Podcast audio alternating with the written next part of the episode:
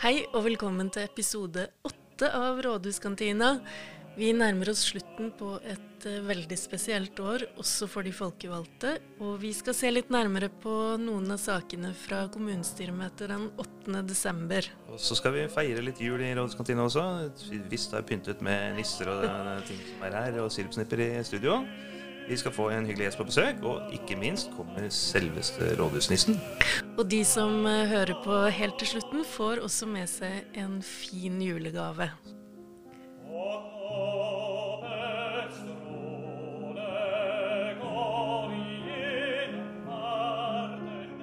Ja visst. Eh, snart ferdig med kommunestyreåret. Vi har eh, hatt eh, nok et langt kommunestyremøte bak oss. Skal vi gå litt på noen av sakene? Ja, du nevnte barnetrygd.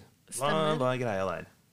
Jo, spørsmålet der er jo om barnetrygden skal eh, ligge inn i det som Nav beregner som eh, inntektsgrunnlag for de som mottar sosialhjelp, eller om det skal ligge utenfor. Det var det som var debatten. Og konklusjonen på det, husker du hva det ble?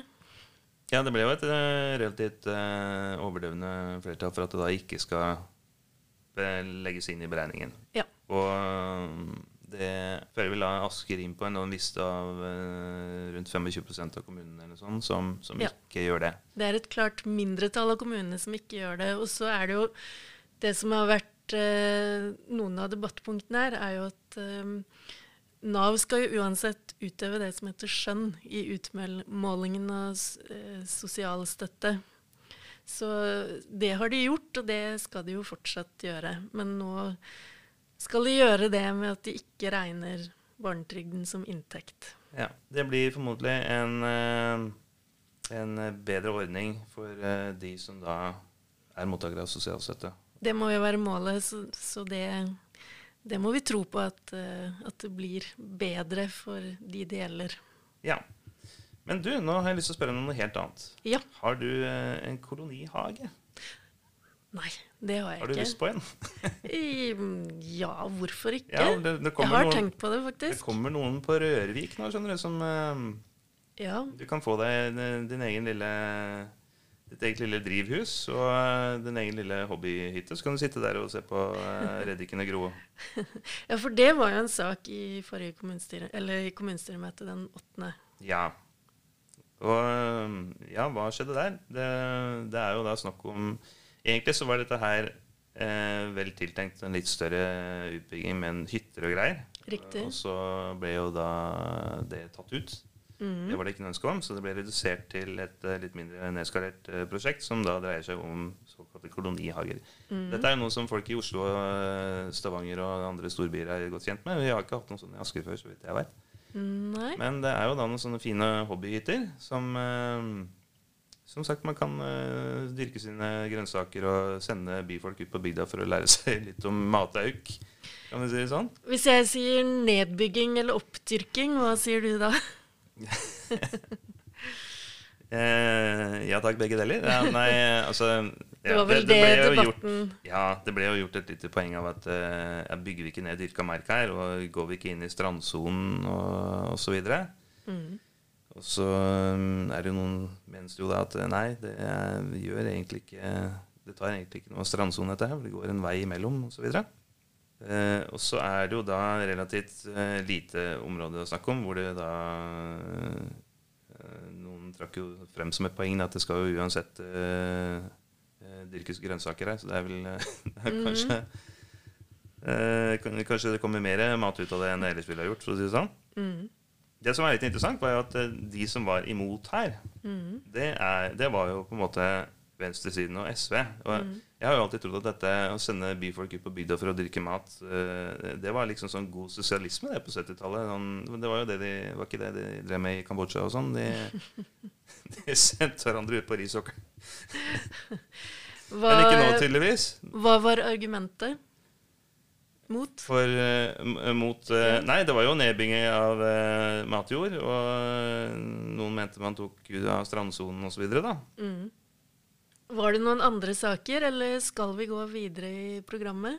Vi kan kanskje gå litt videre nå, for jeg sitter og klør litt etter å få inn gjesten vår. Vi har jo en spennende gjest i studio i dag. Vi har en fin gjest, så da tror jeg vi skal slippe til gjesten.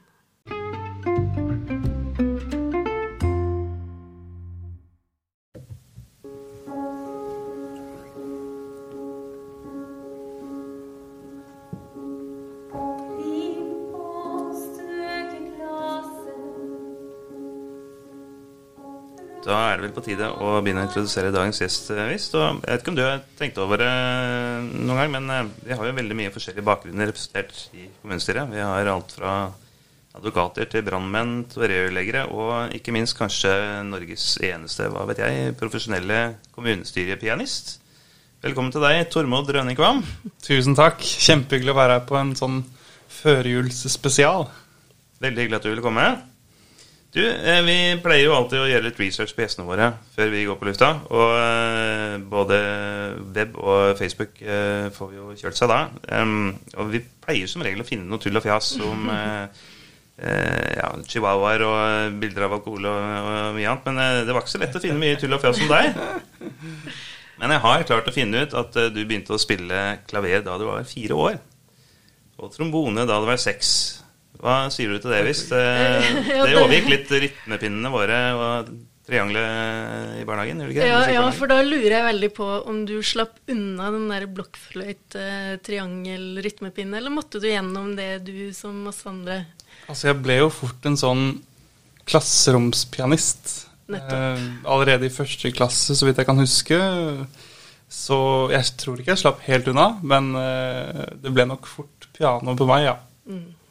Men uh, det er jo ikke bare piano du trakterer. Jeg har jo klart å finne ut også at uh, du er en habil uh, trombonist. Var. Vært, var. var i hvert fall første trombonist i Drammen konsertorkester. Det er jo heller ikke bare å kimse av. Ja, jeg, jeg, altså jeg, pleier å si når jeg blir voksen, så har jeg lyst til å bli amatørmusiker.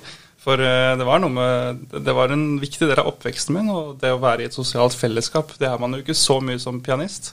Men det var rett og slett, jeg tror det var et slags konkurranseinstinkt i familien da jeg var liten og vokste opp. Og jeg ville opp på pianokrakken, jeg også. Jeg, jeg krabbet opp før jeg kunne gå. Så faktisk før jeg ble fire at jeg begynte å spille ifølge foreldrene mine. Og, og, det var en slags sånn Jeg ville også spille når de andre gjorde det. Ja. Var det konkurranseinstinkt som uh, ga deg 20 sekser på videregående også? Definitivt. Uten tvil. Men ifølge Jeg har 5,8 i snitt, eh, tror jeg klarte å finne ut. Eh, så det var ikke mange seksere der, da. Nei, mange femmere, mener jeg. Nei, det var ikke det. Det var, eh, det var, et, nei, det var et veldig hyggelig snitt. Et veldig hyggelig resultat. Og historien bak det er jo rett og slett at min eldste søster, som er 14 år eldre enn meg, hun fikk 19 seksere. Så du slo, slo med én sekser? Altså. Så det var eh, det jeg ville slå, da. Men jobbet du veldig hardt på skolen, eller har du veldig lett for uh, fag? Jeg er nok en jobber. Altså jeg liker å fordype meg og, og jobbe hardt med ting, for da blir det jo også gøyere, faktisk. Men hvis du skal tro VG, der jeg fant dette intervjuet av deg, det vil si, det lå bak en betalingsmur, ja. så jeg syns ikke det var verdt de 39 kronene for å, å betale for å komme bak til en betalingsmur. Så jeg tenkte jeg skulle spare det til jeg fikk eh, tak i primærkilden selv. Heller, ja, der har du den nøkterne høyremannen. Ja, ikke sant? Ja. Um, vi, må, vi snur og vender på hver skilling her i Rådhuskantina. Ingen tvil om det. Men uh, du nevnte i hvert fall i overskriften der at uh, du har ikke fått brukt disse sekserne dine til nå. Uh, det sa du i hvert fall i 2016. Har du fått brukt dem siden? Nei, jeg tror Altså, jeg har nok Ja, jeg vil svare, svare ja. Fordi den akademiske delen av meg, den er også veldig aktiv i mitt daglige virke. Men politikeren i deg, når når var det den ble vekket? Hva var det som fikk deg til å trampe i klaveret? Den ble vekket på videregående, den også. Eh, vi hadde en god, aktiv eh, Unge Høyre-gjeng i Røyken, i Røyken og Hurum, som var da eh, som, som, virkelig inspirerte, og som fikk meg da til å sette meg på listen for kommunestyrevalget i 2011. Ikke at jeg hadde ambisjoner i det hele tatt, for jeg hadde knapt kommet eller knapt startet, men så er det jo slik at en uh, ungdomskandidat som i tillegg har et navn som et navn i lokalmiljøet, får jo plutselig stemmer, og så havnet man der. Men du, eh, vi har jo invitert deg hit også litt fordi at det har vært et særdeles spesielt år. Og du jobber jo i en bransje som eh, kanskje har fått merke det spesielt godt. Og i tillegg så er du politiker òg for den sektoren, altså innenfor kulturfeltet, da, som eh, jo gjør at da sitter du på en måte med litt ansvar for å ta vare på, på de som er rammet eh, spesielt hardt. Ja. 2020 eh, har vært et uh, spesielt år for alle, uh, selvfølgelig. Kultur som, som, reiseliv og turisme Eh, idrett, frivillighet. Det er, det er, nok vi som også Vi er på en måte overskuddsnæringer. Eh, som er nok de som blir rammet aller lengst av dette. Vi blir rammet tidlig, og vi blir også rammet langt ut uh, utover i, i, året som kommer. Mm. Så det, det, har vært et alvorlig år. Uh, men i hvert fall personlig så er man jo vant til å jobbe i motbakke. Det er på en måte der det går oppover. Så det å omstille seg, det var aldri noe spørsmål.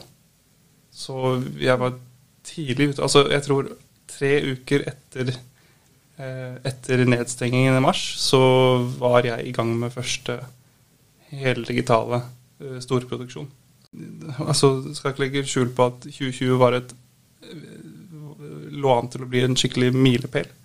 For jeg skulle ha en solodebut-turné eh, eh, som skulle kulminere i eh, St. Martin in the Fields i London. Som er et sånn kulturmekka, egentlig. Eller klassisk musikkmekka i London.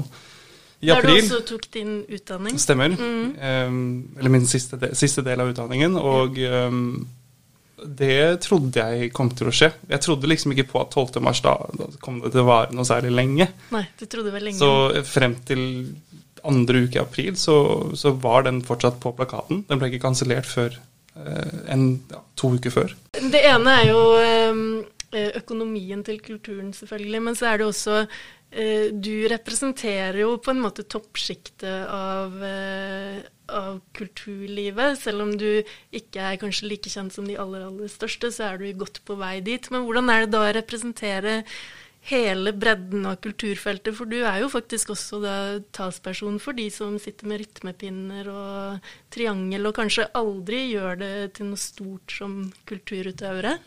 Det syns jeg er et stort privilegium. For uh, kultur, altså uten bredden, så får du ikke toppen. Men også vice versa. Det er samme som for idretten. Um, man må kunne tenke to tanker samtidig. Det er utrolig viktig med den dannelsen som vi har i Norge, og som vi har i Europa, for uh, kultur, altså for uh, visuell kunst, for generelt kunstfeltet. At det er en del av utdanningen, at det er en del av folks hverdag. For uten det, det har vi sett veldig tydelig i 2020, så forsvinner på en måte en del av identiteten vår som mennesker og på en måte det X-faktoren i livet. Um, den er kultur, gjerne. Men til realpolitikken. Mm. Bruker vi nok penger på kultur i Norge og i Asker, eller kanskje først og fremst Asker, da. Vi er jo lokalpolitisk egentlig mest opptatt. Eller er det egentlig, er det egentlig kommunens oppgave å finansiere kulturlivet? For å svare på det første først, så kan man aldri få nok penger inn i en sektor, og det tror jeg vi må si uansett hvilken sektor man jobber for. Det kan man. Men eh, når det er sagt, så vil jeg snu på spørsmålet litt og si at publikum har ikke nødvendigvis råd til å oppleve kulturen dersom man ikke subsidierer den. Publikum har ikke råd til å gå i uh, høre på Oslo-filharmonien som et eksempel, eller uh, i operaen, da, uten at den er subsidiert kraftig av uh, kommunale eller statlige midler. For da vil den, den kostnaden produksjonen har, det gjelder også for så vidt for a-ha eller andre, men der er billettprisen allerede også mye høyere. Eh, kostnadene produksjonen har, det er jo de som egentlig subsidieres, eh, slik at publikum skal få råd til å oppleve det mangfoldet i kulturlivet som vi har. Så svaret er jeg er veldig tilfreds med det kulturbudsjettet vi har i, i Asker. Det er komplekst sammensatt, for det handler jo også om frivillig kulturliv, og det handler om idrett også, som er Alt er kjempeviktig, og det er på en del av den samme sektoren. Men vi ligger på et veldig godt nivå. Eh, og jeg er veldig glad for kommunesammenslåingen i så måte, for eh, Røyken lå på et annet nivå. Det er det andre grunner til, mm. eh, og det, det, er viktig å ta med det. Men, men vi, vi, har en veldig solid kulturpolitikk her i Asker. Ja, Apropos det, kan vi snakke litt om biblioteket på Midtbygda? Vi skal komme ned. Ja, det var ikke på sakslisten her. Hva, hva skjedde der i utvalget? Det var en kjempeinteressant eh, demonstrasjon av hva lokaldemokrati er. For der representerte jeg jo selvfølgelig Høyre, eh, men jeg representerte også tettstedet Midtbygda. Tettstedet, egentlig, tettstedene Årås, Midtbygda, Spikkestad.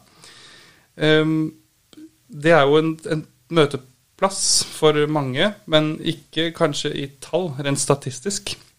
Men for dem som bruker det, så er det viktig. Eh, og jeg bor jo selv Jeg er jo så å si nabo til biblioteket, og da kan du jo spør, spørre om jeg er eh, i det hele tatt eh, må ha bil i en sånn sak, men jeg er jo virkelig en ombudsmann for tettstedet. Eh, og etter den saken så jeg, jeg har aldri opplevd å få så mange gode tilbakemeldinger fra lokalbefolkningen. Man må gå bak tallene av og til. Selv om man skal vende på krona og effektivisere, så er det mm, viktig at vi gjør det med omhu. Og jeg sier ikke at den biblioteksfilialen nødvendigvis skal eh, stå der til evig tid. Eh, for det kan være at vi får sterkere og bedre tilbud i nærheten. Og det er også meningen med, med Asker kommune. Men eh, per nå, akkurat nå, så finnes det ikke noe tilsvarende tilbud i nærheten.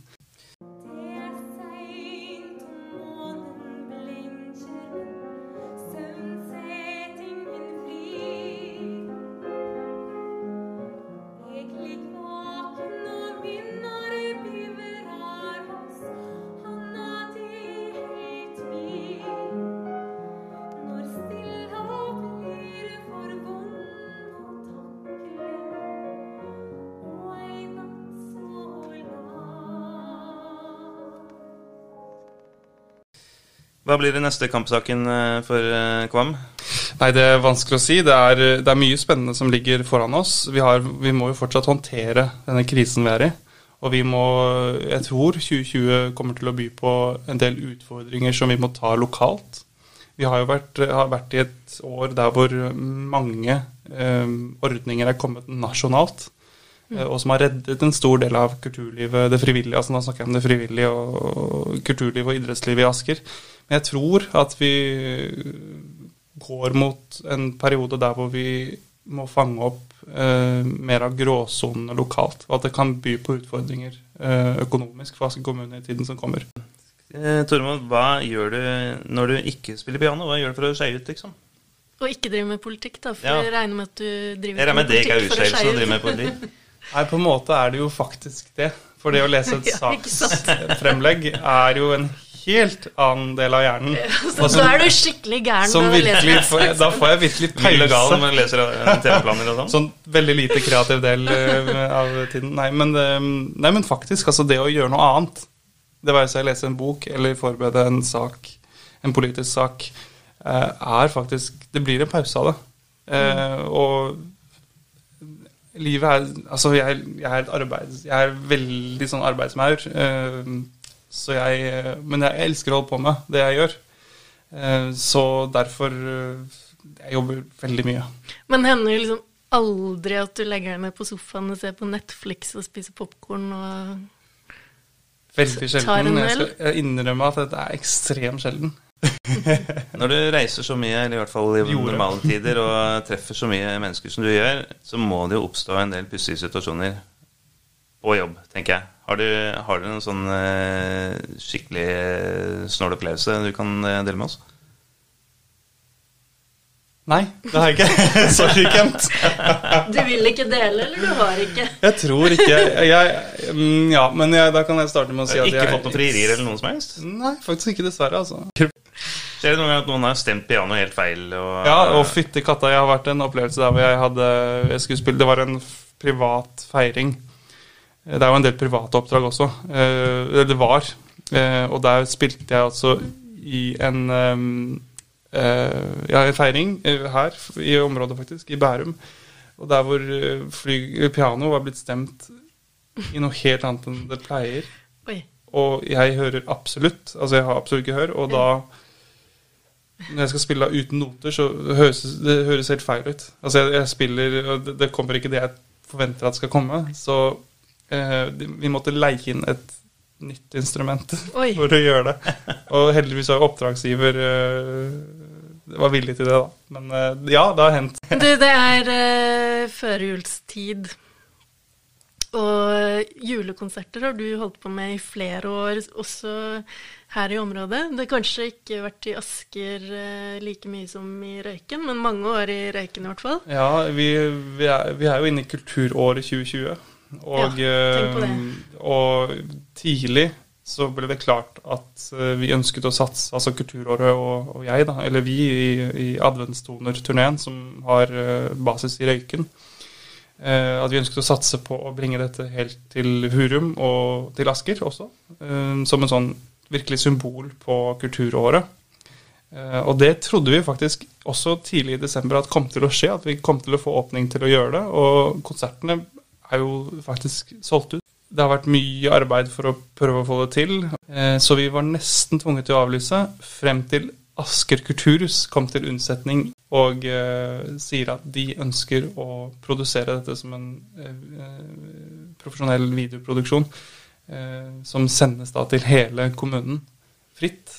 Så vi får gjennomført konserten. Det blir digitalt, det blir fra Asker kulturhus, det blir julestemning, og det blir fantastisk musikk. Så det, det er en stor, stor takk til kommunen og til Kulturhuset som faktisk redder prosjektet. Kommer du litt i julestemning selv når du Veldig. har disse konsertene? Veldig. og- vi starter jo forberedelsene i november. Mm. Eh, Så um, vi er jo i julestemning allerede da, egentlig. Hva er favorittrepertoaret ditt, da? Eller favoritt... eh, nå holdt jeg på å si låta, men jeg skjønner at det Innen- passer dårlig. Nei, låt og det. Jeg bruker, jeg bruker låter til jul. Eh, Tenker du på jul? Mm. Nei, det må nok bli Mitt hjerte alltid vanker. Hvis vi kan utfordre litt på dette med julekonserter. Det har jo eh, kanskje lenge blitt oppfattet som en sånn melkeku for de etablerte artistene. Og det er på en måte der de sikrer eh, millionomsetningen sin eh, hvert år. Hvordan ser du på det at eh, Kurt Nilsen og andre tjener eh, som gress på julekonserter?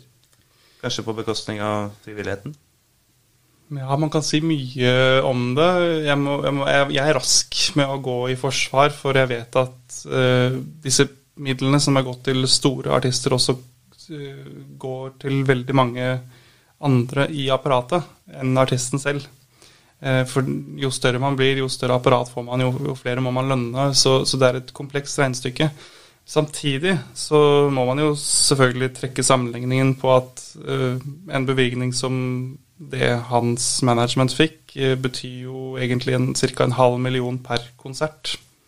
Mens det å produsere en vanlig konsert, en timeslang julekonsert, som vi jo gjør, koster kanskje 40 000. Er det noen vei ut av krisen for kulturlivet? Spesielt for eh, amatør, amatørkultur, eller breddekulturen? Og ja, jeg tror det øyeblikket vi får vaksine, eh, så tror jeg mentaliteten kommer til å forandre seg ganske mye. Og vi ser at tallene går ned allerede nå, og det er en optimisme som brer om seg. Og med en gang man får en lettelse i samfunnet, så tror jeg folk kommer til å ville oppsøke kultur mer enn noen gang før. Kan se frem til en skikkelig kulturfest, rett og slett? Ja, faktisk. Og en fest over hele landet og hele verden, tror jeg. Og jeg tror um, eh, på mange måter så har vi lært mye av denne pandemien også. For man har lært hvilken betydning kultur og idrett og frivillighet har i et samfunn. Mm. folk flest er blitt, opp, er blitt oppmerksom på det. Da passer det egentlig å spørre deg, har du gjort noe eh, i 2020 som du ikke ville gjort hvis det ikke hadde vært for korona?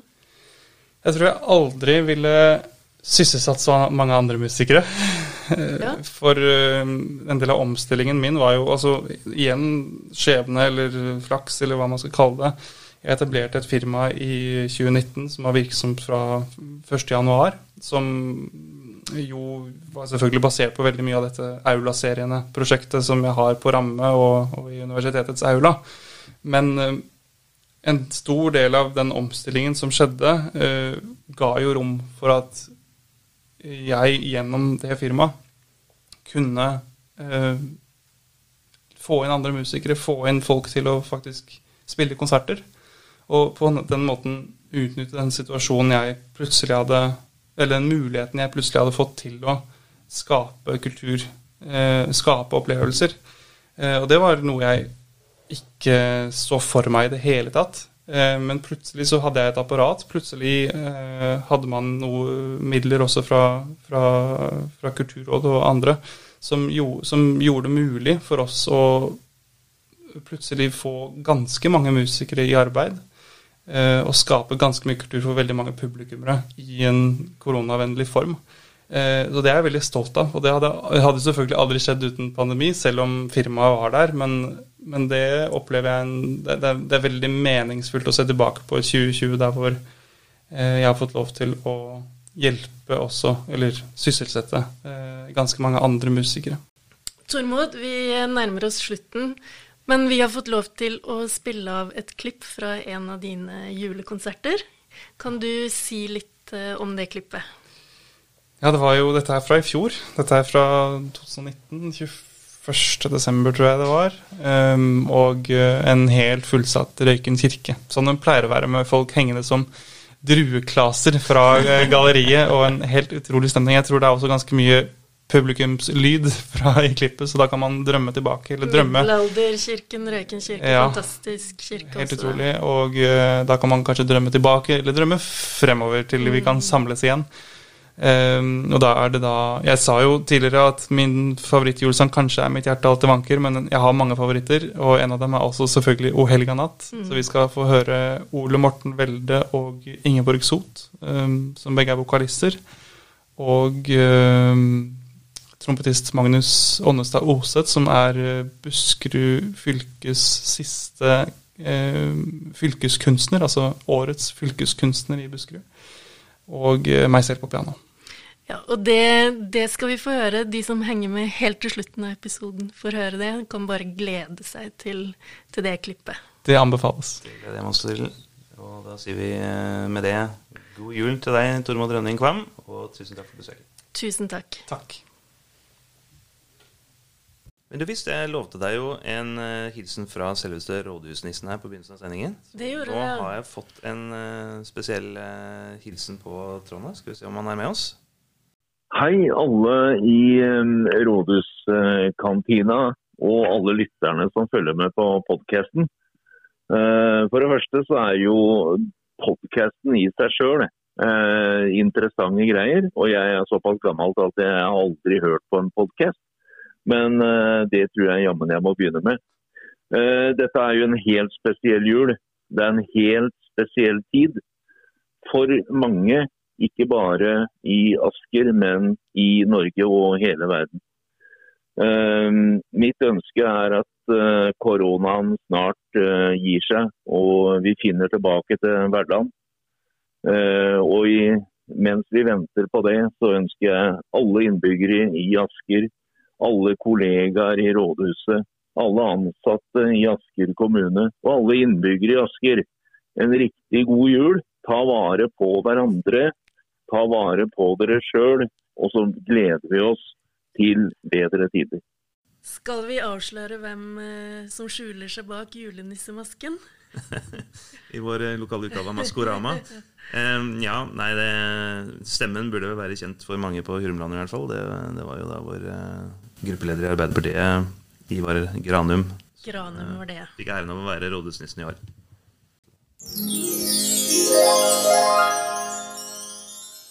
Ryen, har du noe til historiehjørnet i dag? Jeg har jo det, vet du. Alltid en god historie på lur. Bra. Men eh, har du noe til litteraturhjørnet, da? Det har jeg også. Ok, det høres bra ut, men da skal jeg begynne, kanskje. Gjør det. Ja. Jeg mm, pleier jo å ta en sånn type lokalpolitisk eh, inngang til disse historiene i, lokal, eh, i eh, historiehjørnet. Eh, I dag skal jeg gjøre et lite unntak, fordi det er jul. Og jul, juletid er sånn type årboktid. Alle utgir årbøker til jul. Og siden jeg er eh, medlem da i Hurum historielag, så har jeg kikka litt i eh, gamle årbøker fra Hurum historielag. Er du medlem der? Ja, jeg er medlem i Hurum historielag. Så hva har du i dag? Og ja, nå har jeg årboka fra 2008 her. Jeg har ikke fått årets eh, årbok. Men, men jeg ser jo med en gang hvilken historie jeg måtte ta med. har du ikke fått noe mellom 2008 og nå? Jo da, så det, det står en hel bokhylle borti her med, med alle utgaver. Men i hvert fall, i 2008 så, så er det denne historien. Det, det er ingen over, ingen ved siden. Det er rett og slett da Haldor Mathisen fra Holmsbu kokte erter til dronning Victoria. Oi! Når du ser en sånn underskrift, så tenker du du må jo bare lese den artikkelen, ikke sant? Ja. Ja. Haldor Mathisen han var en sjømann fra Hurum, og eh, han øh, mønstret på, eh, ved en anledning på et skip som heter Queen of the North, et engelsk skip, som han var med til eh, Sør-Amerika og deretter til Cape Town. Så kommer det frem at mens de er i Cape Town, så får han beskjed av kapteinen at eh, Queen Victoria skal komme om bord og spise middag. Og så får Haldor fra Hurum oppgaven om å lage middag til Queen Victoria. Og da skal gjøre oss Dette er skrevet på sånn Hurum-dialekt, så nå skal vi egentlig uh, Ivar Granum til å lese her, men jeg får gjøre et forsøk. De veit jeg var jo nervøs, men jeg var fint antrukket, da veit de, med hvit mansjettskjorte og hvitt hvitt håndkle. Ja, jeg kokte riktig gode erter da, ser de. Jeg måtte ennå koke dem ut fordi jeg var redd de var for salte. Og hun kommer over rekka da, ser de, og kapteinen tok imot henne, og jeg serverte med lokkefater og servietter og alt som skulle til, da, ser de. Jeg hadde ennå tatt av skjelmene og hatt timian på ertene. Og så var det kaffe der, vet de, og søppel om kvelden, og så skulle de gå på land. Og dagen etter hadde vi fersk suppe med kål og grønnsaker, og dronninga spiste om bordstua vår i tre dager. Nå skal jeg si deg en ting, sa kapteinen til meg, at frua skrytte av maten din, sa han. Så gode erter hadde jeg aldri smakt, sa han, og dem var gode au, sier de. Jeg sto i døra til byssa da de gikk på land, og jeg var staselig med hvitt håndkle over skuldra og hvit lue, da, sier de. Og da kom jeg bort og takka for maten, og sa at et, og sa at et, så, et så godt måltid hadde jeg aldri fått før. Og så tok hun portemoneen og ga meg to gullpund og ønsket til lykke på reisa. Hun var veldig forekommen og ende fram, og så flott at det spraka av henne. Så det var min, mitt lille julebidrag. Hva har vi å friste med i litteraturhjørnet i dag? ja, jeg har plukket ut uh, 'Piken med svovelstikkene'. Den kjenner du Ja. sikkert. Den er Den fra 1848, og det er H.C. Andersen som uh, har skrevet det. Det passer også å trekke fram når vi nærmer oss uh, slutten av året, for her foregår jo handlingen eh, på årets siste dag. Det er Ja. nyttårsaften, da. Det er jo et eh, kompakt lite melodrama. eh, og en sterk klassiker. Den er sterk i innholdet, og sterk fordi jeg syns den fortsatt holder. Man blir fortsatt grepet av den. Nå var det en stund siden jeg hadde lest det, men jeg merka at jeg ble fortsatt berørt av det, da. Det er melodrama fordi det har liksom alle de klassiske ingrediensene med kontraster og sterke følelser og høy og lav i samfunnet og eh, liv og død og tragisk eh, avslutning er det også, da. Mm. Eh, og så syns jeg jo det er ganske fascinerende at et såpass gammelt eventyr fortsatt eh, ja, vekker kanskje litt vilje til å både se litt rundt seg her vi er nå. Sånn apropos, vi har snakket om sosialpolitikk eh, tidligere i dag. Reflektere og kanskje til og med gjøre noe. Og så har jo dette eventyret noe veldig fint ved seg også fordi det sier jo noe om fantasiens kraft òg, da. At det er jo noe eh, vakkert ved den måten ja, vakkert på en Det er jo først og fremst veldig tragisk, men så er det liksom den fantasien hun bruker da, når hun tenner disse fyrstikkene og ser alt det fine som hun bare drømmer om, men ikke kan få. Og så eh, er det jo den avslutningen hvor hun dør, som også er skildret på en, på en veldig vakker måte. Da. Så det er jo som om forfatteren H.C. Andersen liksom løfter den som er lavest i samfunnets eh, rangstige, litt opp på slutten der. Så eh, det er jo et eh, sånn type eventyr som eh, alle egentlig kjenner til, og så syns jeg at når det i tillegg er såpass kort, så, så skal man kanskje unne seg å lese det en gang til i år.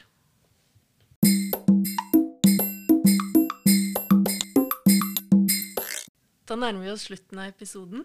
Det gjør vi nok, dessverre. Men eh, hold ut, det kommer mer. Det kommer eh, etter hvert en uh, årskavalkade skal vi prøve å få til. Det skal vi. Noen kåringer skal vi også prøve å legge inn. Lar den henge der litt eh, som en sånn cliffhanger. Mm. Eh, husk å abonnere på Rådhuskantina, og følg oss neste år også.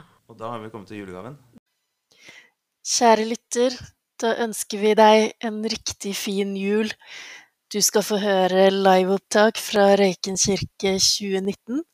Tormod Drenning Kvam og venner spiller og synger O helga natt. God jul!